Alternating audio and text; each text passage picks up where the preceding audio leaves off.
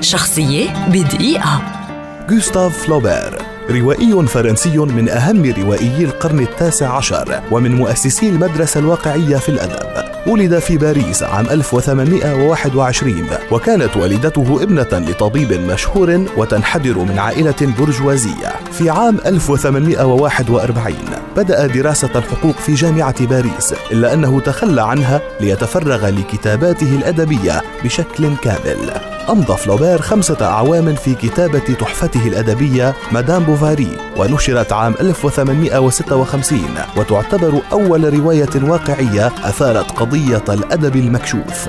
تميز فلوبير بقدرته على الملاحظة الدقيقة. وعلى توصيف النماذج البشرية العادية توصيفا دقيقا والاستعانة بالعقل والرؤية الموضوعية بدلا من نظيرتها الذاتية التي يتصف بها الكتاب الرومانسيون عادة. بل كان يعتقد أن الفن الحقيقي هو الفن الموضوعي وأن الفصل بين الفنان كذات وفنه كموضوع ضروري.